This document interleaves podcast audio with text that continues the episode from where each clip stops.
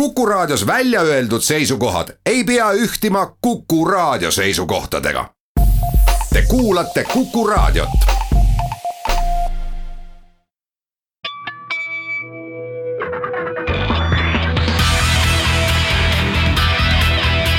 õigus ja õiglus. tere päevast, täna meil see saade on eetris lõpeb Riigikohtu eestvedamisel tähistatav õigusemõistmise nädal ja sel puhul võtame ette jälle kohtumenetluse teema ja sedapuhku räägime ennekõike tsiviil- ja halduskohtumenetlusest. ja mul on väga suur rõõm tervitada siin kahte selle valdkonna tippteoreetikut ja ka tipppraktikut. Tartu stuudios on Tartu Ülikooli haldusõiguse dotsent ja riigikohtu halduskolleegiumi esimees Ivo Pilving, tere Ivo tere päevast, head raadiokuulajad. ja siin Tallinnas on mu seltsiliseks Villu Kõve, kes on Tartu Ülikoolis tsiviilõiguse dotsent ja riigikohtus tsiviilkolleegiumi esimees, tere Villu. tere. ja selgituseks see, et see dotsendi tiitel ülikoolis tähendab seda, et on teoreetiku ja praktiku tööd tehtud pikka aega, avaldatud oma teadustulemusi, kaitstud edukalt doktorikraad, mõistagi, mis on selle eelduseks. ja riigikohtu kolleegiumi esimees selles valdkonnas, vähemalt mõtteliselt on siis nii nagu professor Narits meie õpingute ajal armastas rõhustada, et siis õiguse tipprakendajate niisugune tõeline tipp selles valdkonnas kui läheb põhiseaduslikkuse järelevalveks või asi riigikohtu üldkogusse, et siis on muidugi see seltskond laiem. aga no nii, me kriminaalasjadest ja kriminaalmenetlusest rääkisime siin mõne nädala eest äh, Saale Laose ja Velmar Bretiga. Saale Laos on riigikohtu kriminaalkolleegiumi esimees ja, ja Velmar Brett siis äh, töötab äh, siin Tallinnas Harju maakohtus. aga täna tõepoolest tsiviil- ja haldusasjad. et nüüd väga lühidalt mis on tsiviilasi, Villu?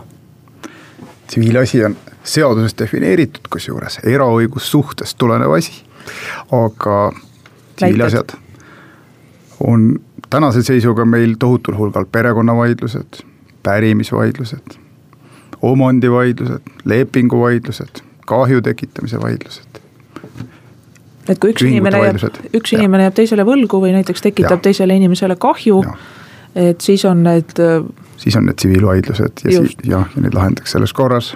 ja töölepingud niisamuti. ja töölepingud. no vot, nii, aga haldusasjad, Ivo? no klassikalised haldusasjad on läbi aegade olnud maksuasjad, ehitusload. võimalikud suurobjektide, suurtehaste, tuuleparkide planeeringud. Eh, samuti sotsiaalabi välismaalaste riiki lubamine, riigist väljasaatmine. riigihanked. riigihanked ka. E, tõsi, meie halduskohtud e, tänase seisuga kõige e, truumad kliendid on Eesti vanglate kinnipeetavad, arvuliselt asjade arvu poolest. kohtunikud tööpäevast võib-olla nad kõige suuremat äh, hulka ei, ei võta, kuna, kuna mm, sedalaadi vaidlused on rohkem olmelised kui lugeda halduskohtumenetluse seadustikku ja tsiviilkohtumenetluse seadustikku, siis äh, nad algavad kaunis ühtemoodi, aga mitte päris ühtemoodi. ja halduskohtumenetluse seadustik ütleb seda, et, et selle halduskohtus või siis, kui edasi kaevatakse ringkonnakohtus ja lõpuks, kui veel edasi kaevatakse, siis riigikohtus toimuva haldusmenetluse mõte on kaitsta isikute õigusi, ehk siis inimesed ja ka ettevõtjad ehk juriidilised isikud ja MTÜ-d ja nii edasi. isikute õigusi kaitsta õigusvastase tegevuse eest eh, täidesaatva võimu teostamisel, et ehk siis sisuliselt halduskohus on justkui eh, siis valitsuse ja tema allasutuste väliskontrolli organ aga mõlemas kohtumenetluse seadustikus on kirjas, et, et selle menetluse tulemusel peaks kohus lahendama asja õigesti, mõistliku ajaga ja võimalikult väikeste kuludega. et nähtavasti siis nii riigile kui ka nendele inimestele, kes selles menetluses eh, osalevad. et see kõik elab, kõlab ju tohutult hästi. aga ka õiguskantsleri ametkonda kaunis sageli igal nädalal kindlasti jõuab mitu kirja, mille sisuks on see, et kohtus toimub üksteise võidu paragrahvi väänamine ja see, mis välja tuli, kindlasti ei ole midagi, mis oleks ähm, lahendanud selle asja õigesti, väheste kuludega ja mõistliku ajaga. et mida teie selliste kaebuste peale kostate? tsiviilasjade puhul jah, loomulikult selliseid kaebusi ikka tuleb ette kohtuniku tööriistaks on ju seadus meil tsiviilkohtumenetluses ja, ja jah, seadus on meile antud seadusandja poolt ette ja iga aastaga kogu see õigusnormistik läheb ka üha keerulisemaks, samamoodi lähevad keerulisemaks ka need vaidlused, mis tulevad. kindlasti ei, ei toimu kohtus mingisugust tahtlikku venitamist täna, ega ka kindlasti keegi ei taha teha ju mingit teadlikult valesid kohtulahendeid ja mis üldse on vale, eks ole, et ega me ei oska seda niimoodi ju vaadata, sest tsiviilasjade puhul on ju praktiliselt alati kaks vaidlevat poolt, kellel on kummalgi oma õigus ja oma arusaam asjadest. ja selle vaidluse käigus siis tõde ka tuleb välja teinekord ja ega selle lõpliku tõe otsimine ei olegi alati kohtumenetluse eesmärk, sest noh, näiteks meil on tsiviilasju, kus väga suur ruum on antud kohtule otsustada, kust midagi, mida teha. näiteks sama vaidlus laste üle, et noh, et kas pärast abielu lahutamist jätta lapsed isale või emale kuidas määrata suhtlemiskord, ei saa seaduses seda reguleerida, ei ole ka võimalik öelda, et on õige ühte või teistpidi teha, seda tuleb lihtsalt lahendada kuidagimoodi. Ja lõpplahendus tõenäoliselt sellele vanemale, kelle juures see laps elama ei hakka või kes ei saa sellisel viisil tema kasvatamises osaleda, nagu ta oleks tahtnud, et see tundub kindlasti ebaõiglane. et seda siingi saates oleme korduvalt äh, selgitanud, et tänase saate kontekstis, et kui ikkagi üks inimene arvab, et teine inimene on temale võlgu ja see teine arvab, et ta ei ole. ja kohus teeb otsuse, et siis see otsus korraga mõlemale kindlasti meeldida ei saa, sellepärast et võlga korraga ära maksta ja maksmata jätta ei ole lihtsalt võimalik.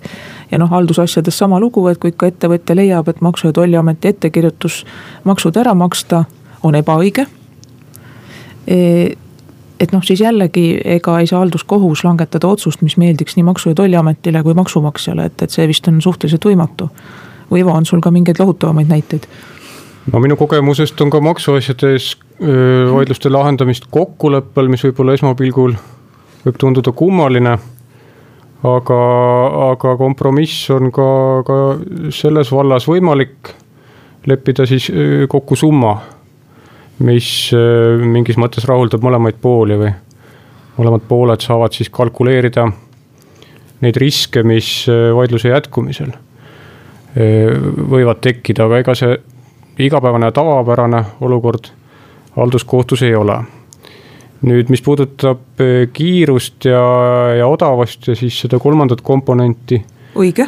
asja lahendamise õigsust, eh, siis ma väidan, et Eestis on sellega asjad suhteliselt hästi no kõige lihtsamini on mõõdetav eh, kohtupidamise kulud riigieelarve vastavatelt ridadelt ja, ja Euroopa komisjon vist ka peab äh, riikide võrdlustabelit äh, menetluse kiiruse osas, Eesti on nendes näitajates igati tublidel kohtadel. Äh, keerulisem on nüüd mõõta seda, milline on siis nii-öelda seaduse järgimise määr.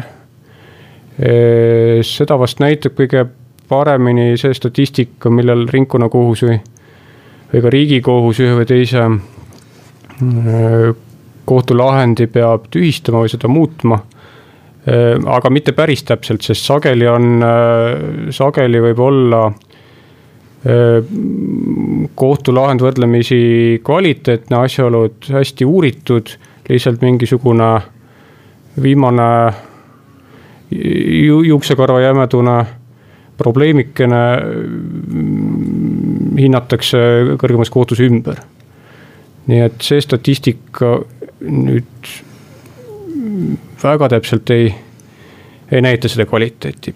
ma tahtsin öelda ainult seda, et, et, et, et, tegelikult üks tsiviilkohtumenetluse eesmärk on ikkagi ka poolte lepitamine õigusrahu, need, et noh, mida Ivo nüüd väga ilusti ka välja tõi, et ka meil ju tegelikult suur osa asjadest lahendatakse kokkuleppel ja kohtu eesmärk ju eriti nendes samades, samas lasteaida noh, vaidlustes või, või siis inimestevahelises naabrivaidlustes, mida on ka tohutu palju, oleks ju see, et noh, et jõuda noh, kohtu vahendusel sellele kokkuleppele ja paljudel juhtudel ka jõutakse nüüd. noh, et see on nagu omaette eesmärk meil ikkagi ka kohtumenetlusel olemas.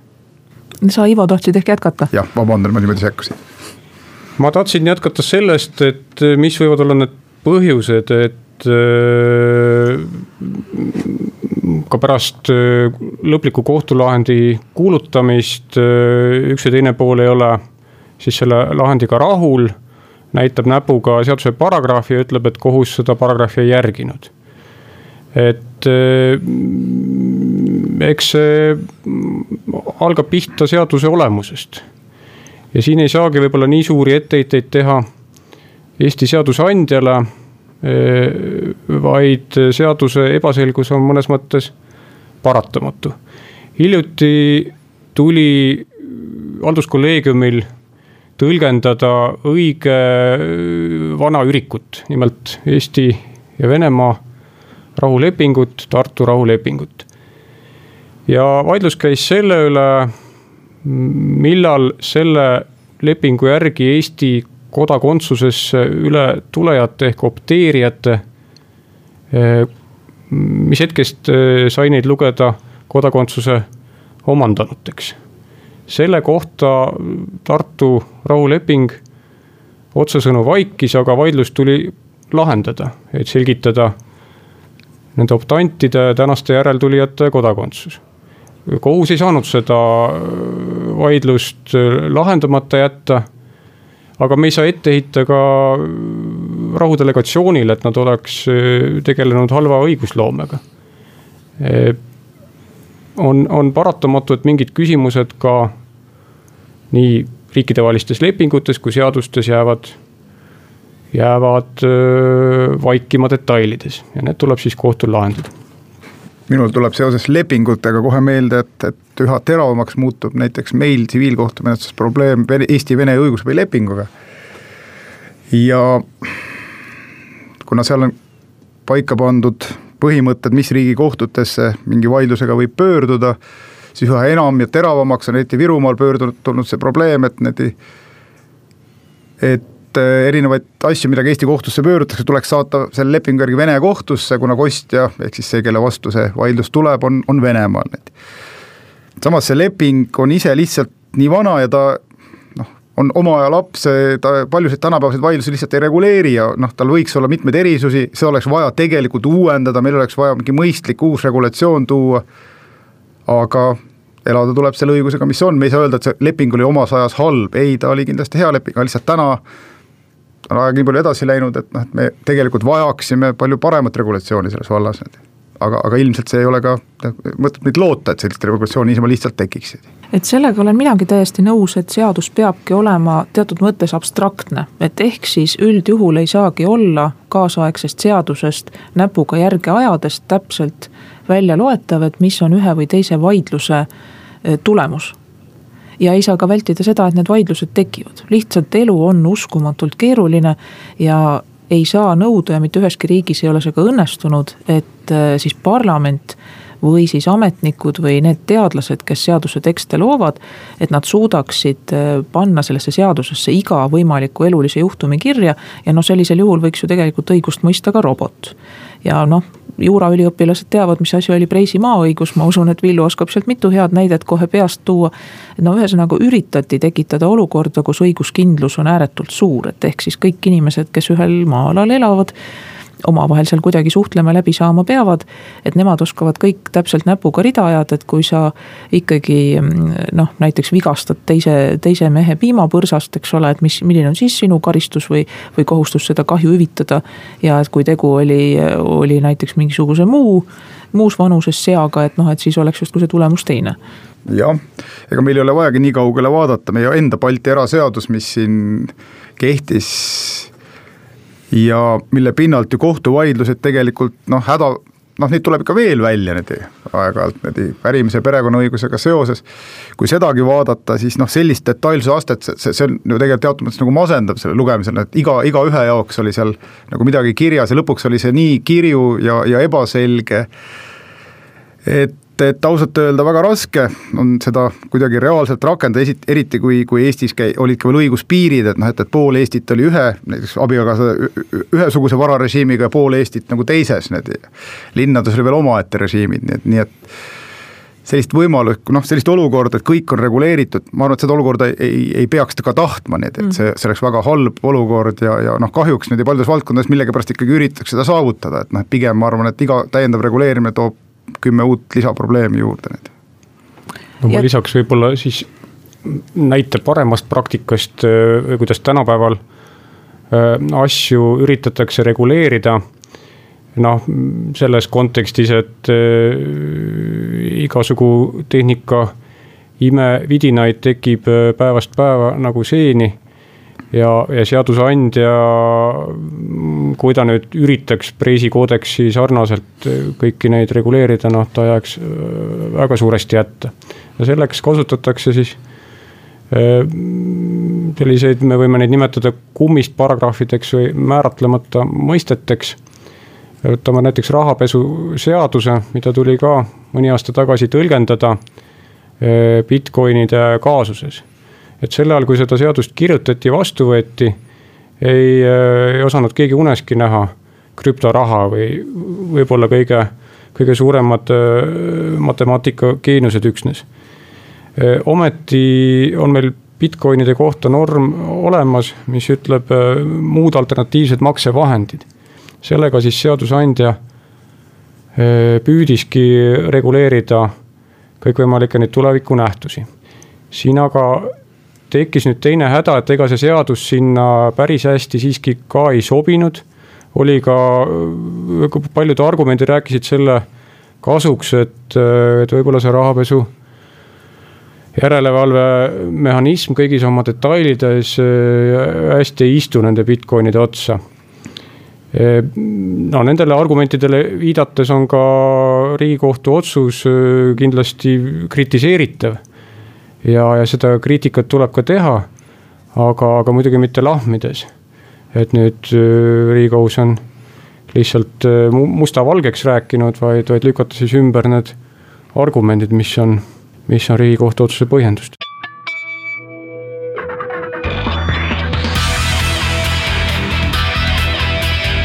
õigus ja õiglus. Jätkame saadet, täna tähistame õigusemõistmise nädala lõppu. riigikohtu tsiviilkolleegiumi esimees Villu Kõve siin Tallinna stuudios ja riigikohtu halduskolleegiumi esimees Ivo Pilving Tartu stuudios Villule seltsiks õiguskantsler Ülle Madise ja me kõik kolmekesi oleme ka Tartu Ülikoolis teadus- ja õppetööd tegemas. Villu eriala on tsiviilõigus, Ivol haldusõigus ja minul riigiõigus. Esimeses saate kolmandikus rääkisime muuhulgas sellest, et kahjuks robotit õigust mõistma panna ei saa mitte ükski algoritm ei suudaks eh, selgeks teha, et kellele siis see lapse hooldusõigus tuleks anda. Eh, ei ole võimalik lihtsalt niimoodi andmeid mingisse masinasse sisestada, mis siis ütleks, kuidas seda Bitcoini äri näiteks tuleks kontrollida ja kuidas vältida seda, et, et selle äri käigus varastatud raha või siis näiteks terrorismiks mõeldud raha legaliseeritakse, ehk siis üritatakse teda muuta niisuguseks, millel sellist kuriteo tunnust enam küljes ei ole ja et, et temaga tehtud tehingute juurest siis kurjategijaid otseselt leida ei osata või ei saada nii et tõepoolest, et kõike seda ei ole võimalik ette näha ja nagu Villu õieti ütles, et siis vast ei maksa tahta ka, sest et tegelikult see äärmine õigusselgus. äärmine õiguskindlus, see, et sa näed täpselt ette, mis ühe või teise elulise olukorra tõttu juhtuma hakkab.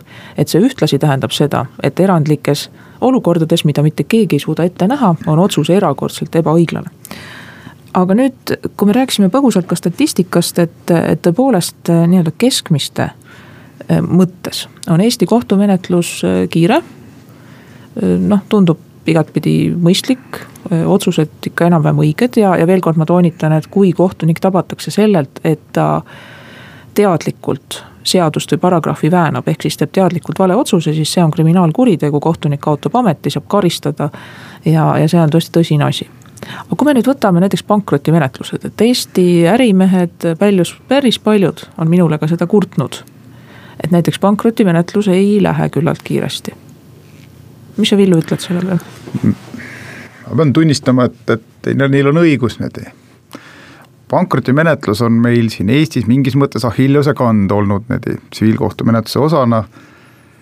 ja rahvusvaheliselt noh, võrreldakse noh, pankroti noh, üldse maksejõuetuse õiguse efektiivsust kahe näitajaga esiteks, et kui kaua see kestab ja loomulikult teise näitega, kui palju võlausaldajad raha tagasi saavad sealt menetlust. Ja, ja mõlemas näites on Eesti rahvusvaheliselt väga halbade noh, näitajatega, et noh, et pärast menetlus kestab lõpmata kaua ja raha ei saa keegi, nii et et noh, see on niisugune jah, see on üks selline halb asi, no Justiitsministeerium tegeleb maksejõuetuse õiguse revisjoniga pikemat aega, et ja, ja võrdleb teise teiste riikide õigusi ja, ja, ja, ja, ja planeerib seda asja kuidagi, et mis siin siis nagu kapitaalset viga on selles süsteemis ikkagi täna.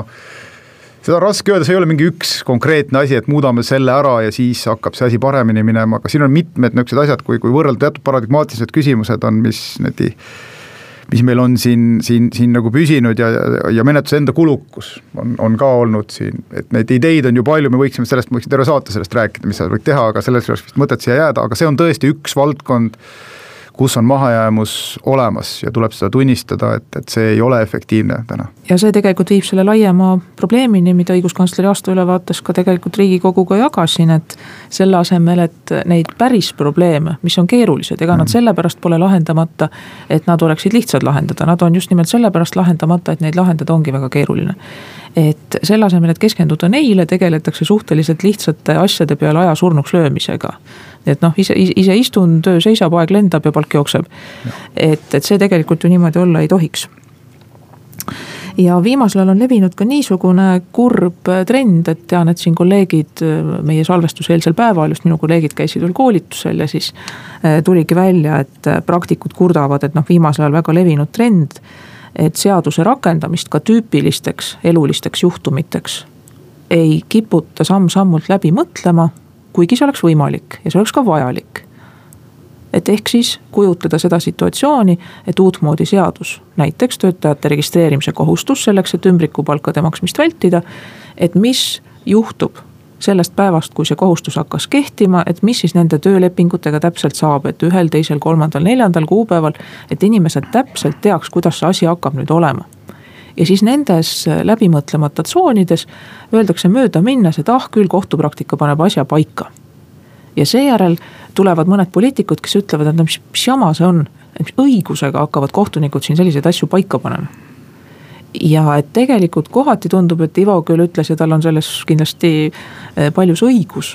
Et ei saa süüdistada seadusandjat eh, noh, selles meelerahu puudumises ka mõnikord kohtumenetluse järel aga ma jälle ütleks, et, et noh, et mingites asjades kahjuks saab küll, et see on ka riigikogu võimuses mõelda välja need elulised juhtumid Eh, mille kohta peaks oskama seaduse tegija öelda, et kuidas see asi tuleb lahendada, et mitte teha niimoodi, et. et siis, kui asi käes on, et siis läbi kolme kohtuastme tuleb pika aja ja suure kuluga asja selgeks rääkida.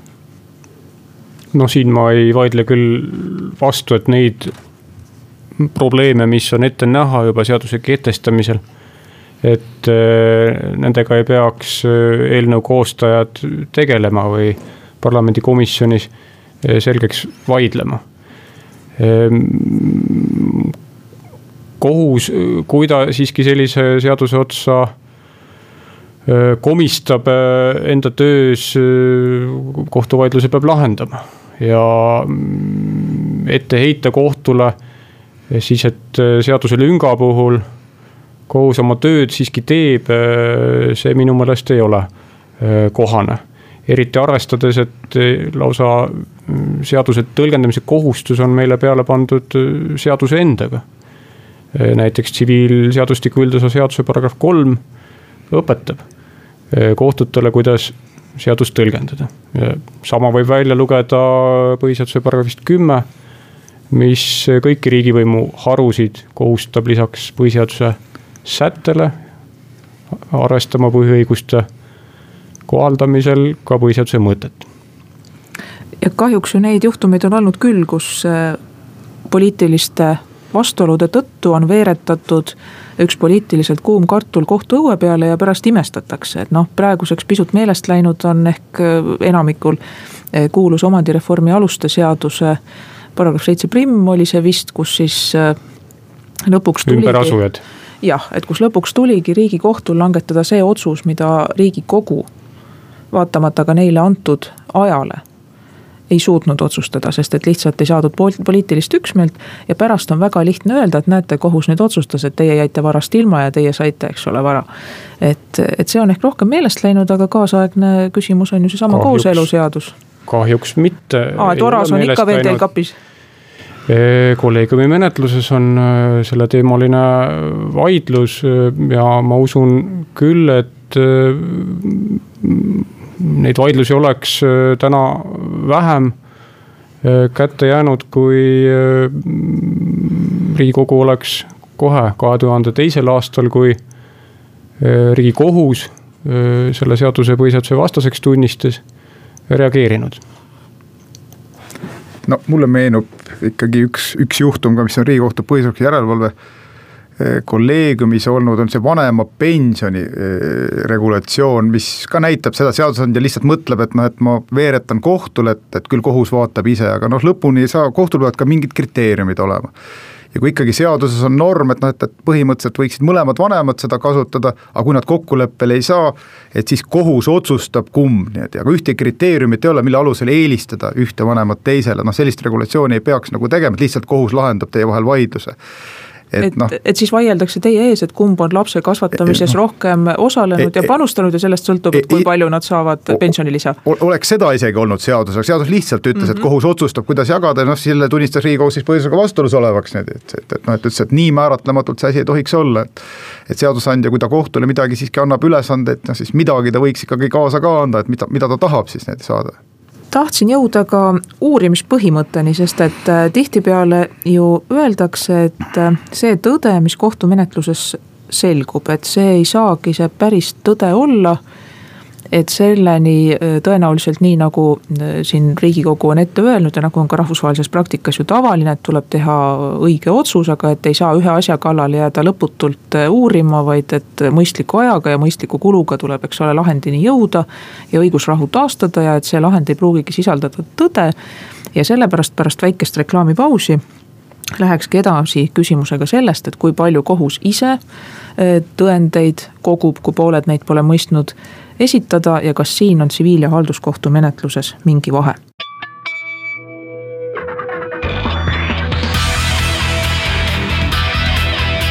õigus ja õiglus. räägime täna õigusemõistmisest, seekord tsiviil- ja halduskohtu menetlusest. Tallinna stuudios Villu Kõve ja Ülle Madise ja Tartu stuudios Ivo Pilving mulle tundub, et äh, nüüd jõudsime ühe kohani, kus äh, te saate vaielda ja siis saame saate viimases kolmandikus ka äh, selgitada, et ka juristide hulgas on tegelikult vähemalt minu tunnetuse järgi noh, mitu erinevat leeri. mis ei tähenda omavahel vihast tülitsemist, aga lihtsalt erinevaid argumente ja tõekspidamisi. ja et laias laastus näiteks saab eristada seda, et osa leiab, et tõde ongi see, mis kohtumenetluses tõeks loetakse et oluline on see mäng mingis mõttes, mängu ilu, protsess, pidulikkus, noh ja siis on teised, kes jällegi leiavad, et, et ei, et, et ka kohtuniku ülesanne on kasvõi ise siis neid tõendeid asutustest välja küsida. et Ivo, uurimispõhimõte halduskohtus, et mis see tähendab praktikas? see ei tähenda seda, et me inkvisiitori kombel inimesi piinaks, pöidlakruvisid kasutaks, vaid see tähendab äh, menetlusosaliste abistamist äh, tõendite kogumisel, informatsiooni väljaselgitamisel. see tähendabki seda, et äh, kohtunik võib ise omal algatusel kutsuda kohtuistungile tunnistajaid näiteks maksuvaidluses tehingute toimumise kohta kinnituse saamiseks äh, pöörduda kõikvõimalike asutuste poole dokumentide saamiseks, määrata ekspertiise ehitise ohutuse kindlaks tegemisel ja nii edasi. miks see uurimispõhimõte meil on? ja ma ei arvagi siin, et, et me peaks Villuga väga erinevalt meelt olema või vaidlema, või noh, eks Villu hiljem äh, ütle oma arvamuse, aga see uurimispõhimõte sobibki haldusasjadele, haldusasjadesse, kus vaidlejaks on riik ja kodanik või ettevõtja ning võistlevuse põhimõte on, on pigem sobilik tsiviilasjades ma arvan, see on mõnes mõttes sisse kodeeritud meie õiguskorra DNA-sse või põhiseaduse aluspõhimõtetesse.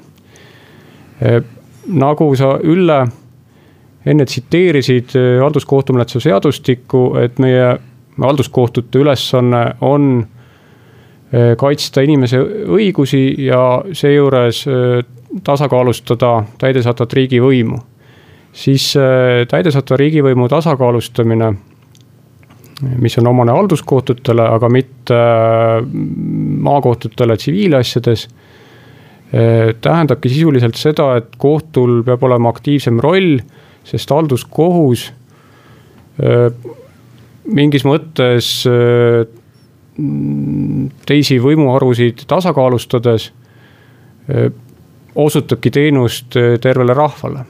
Tähendab seda, et äh, kaebaja, kes tuleb kohtusse, ei pea võitlema ainult enda õiguste eest, vaid äh, kohus tõde selgitades ähm, teeb äh, head kogu ühiskonnale. kui üks kaebaja võidab vaidluse näiteks lasteaia koha üle, siis praktika näitab, et kohalikud omavalitsused järgivad seda kohtuotsust hiljem ka teistes asjades Villu, kuidas tsiviilkohtumenetlus on ja tõepoolest nii ta on, et need rollid on siin erinevad, et kui haldusasjas eeldatakse, et riik või kohalik omavalitsus, kellega vaieldakse, on tugevam. ja et võrdset võistlust ei saaks seal pidada, noh mitte, et see nüüd alati päris nii oleks. aga tsiviilasjas siis noh, mulle tundub ka, et see klassikaline vaidlus on, et ühel pool on ema ja teisel pool on isa, kes vaidlevad selle lapse üle või ühel pool on, on üks ja teisel pool teine ja et nad on pigem võrdsemad ja siis võistlevad, aga siis me jõuame näiteks nende töölepinguteni, et kuidas on? No tegelikult, mida Ivo ütleb, et, et, et halduskohtumenetluses siis see uurimisprintsiip justkui kaitseb inimest riigi eest, kui noh, mõtlema hakata samas kriminaalmenetluses, kus ju ka peaks ju seadus kaitsma inimest riigi eest, seal just leitakse, hoopis võistlevuse põhimõte kaitseb seda seda inimest riigi eest, tsiviilkohtumenetlus on mingis mõttes nagu nende kahe vahepeal oma arusaamad, ega meil tegelikult see uurimispõhimõte on ka paljudes asjades ette nähtud. meil on pool menetlust, on niinimetatud hagita menetlused, need ja perekonnaasjades on ka ette nähtud seda uurimispõhimõtet kohaldada hagiasjades, nii-öelda vaidlusasjades. ja eelkõige on noh, meil pandud teatud printsiibid seadusse, eelkõige on lapse huvid näiteks, et noh, lapse huvides kohus peab ka sekkuma, kohus peab koguma tõendeid ja, ja noh, tegema ikkagi võimalikult õiglase otsuse. Aga kui nüüd üldiselt vaadata tsiviilkohtumenetlust, siis jah, kas tõde on selle menetluse eesmärk, mina olen öelnud, noh, selle menetluse eesmärk on asi lahendada, need see, mis on tõde, niimoodi see võib menetlusosaliste silmis olla erinev, niimoodi seal paraku see nii võibki jääda. ja, ja noh, lõpuni seda kohus noh, kindlaks ei saagi nagu teha.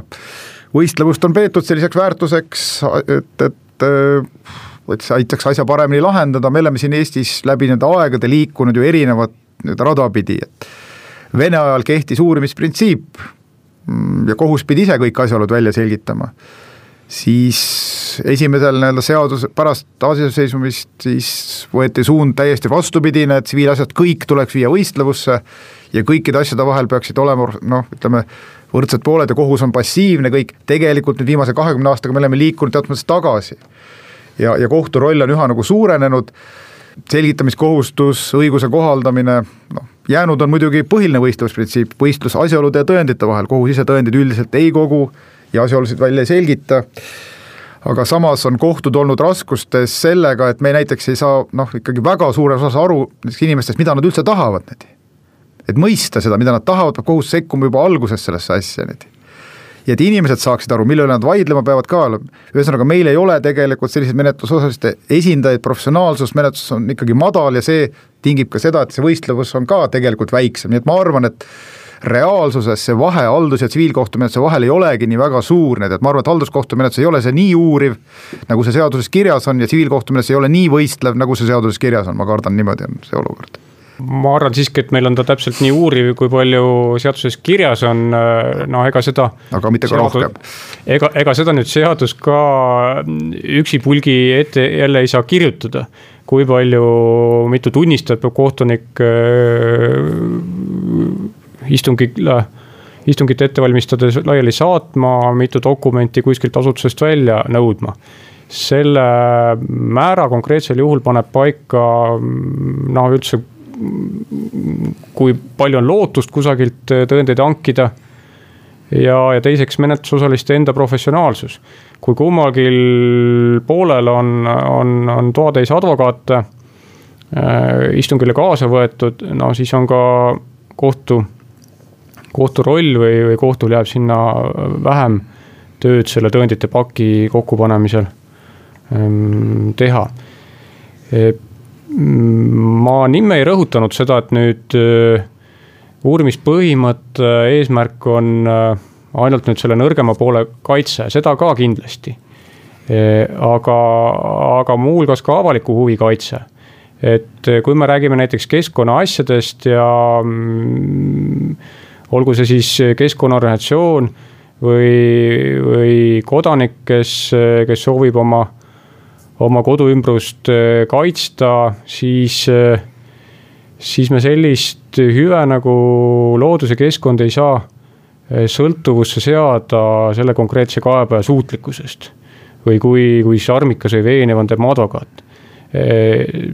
seal selliste avalike huvide avalike hüvede kaitsel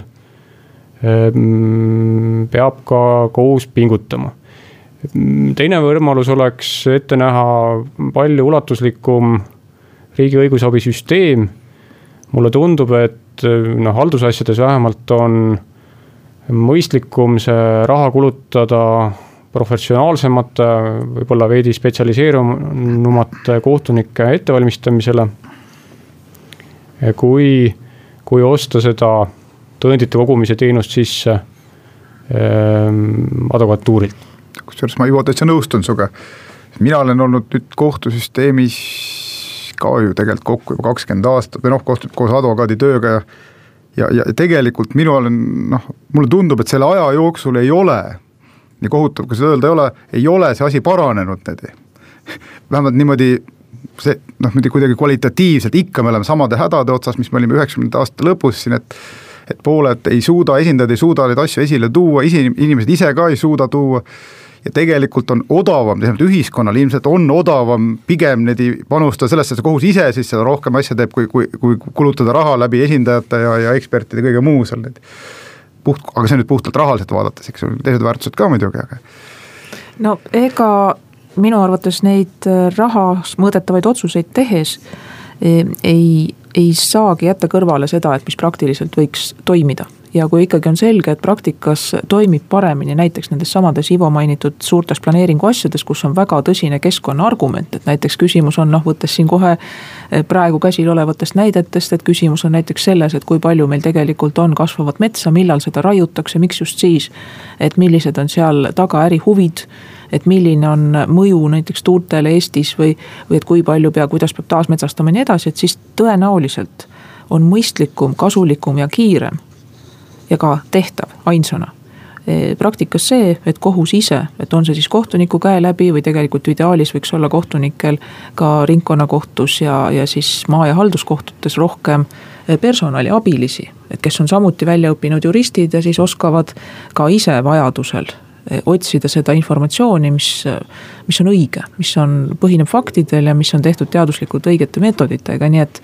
et jah, selles osas ka teiega nõus aga kui siin lõpus nüüd veel rääkida sellest mängu ilust, siis äh, kui palju teil on kirjalikke menetlusi ja kas äkki üks põhjus, miks äh, vahel pooled ka siis, kui nad võiksid otsusega rahul olla ja lõpuks mõista, et mõlemad ei saanud võita.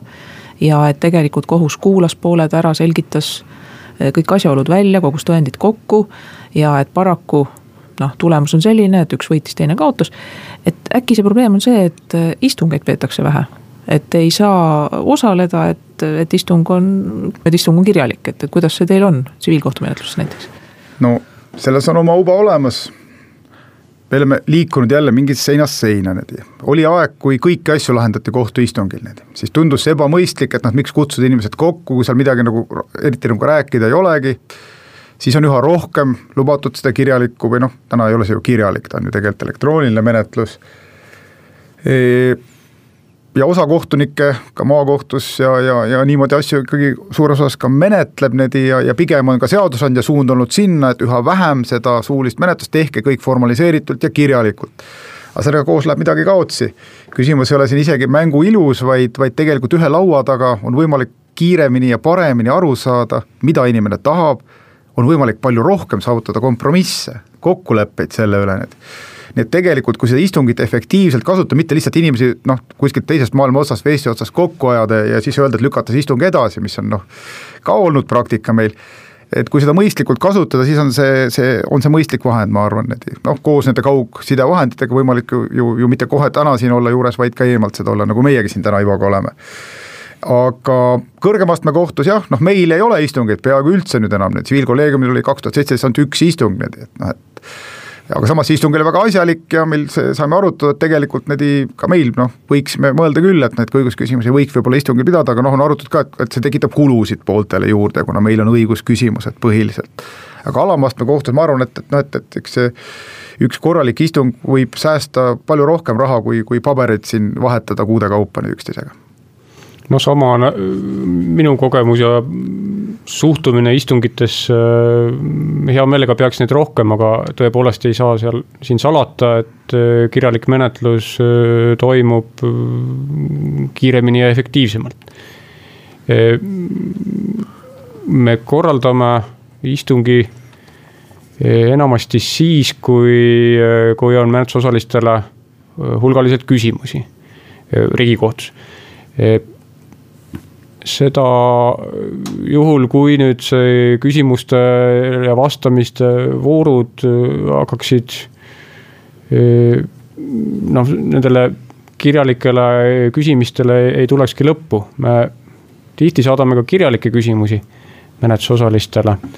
aga, aga on asju, kus istungil toimuks tulemuslikumalt. esimeses astmes, kus hinnatakse ka tõendeid ja toimub äh, vaidlus faktide üle, peaks äh, istung olema reegel.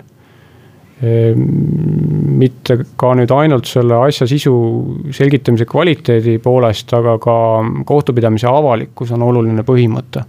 ja kirjalikus menetluses seda avalikkust kuidagi tagada ei saa ja selle koha peal peame tänaseks tõmbama otsad kokku, aga nii nagu sageli, siis ka siit saatest tekkis õigu, õige mitu ideed, millega minna edasi, et tegelikult seesama pankroti teema kasvõi tõenäoliselt väärib perspektiivis eraldi käsitlemist loodan, et suutsime kolme peale pisut selgitada ka tsiviil- ja halduskohtumenetluse olemust, kuna tihtipeale peetakse kohtumenetluseks üksnes seda, mis toimub kriminaalasjades, aga nii see teps mitte ei ole. ja tänan siin kuulajaid head õigusemõistmise nädala lõppu. aitäh, Riigikohtu halduskolleegiumi esimees Ivo Pilving ja Riigikohtu tsiviilkolleegiumi esimees Villu Kõve saatesse tulemast.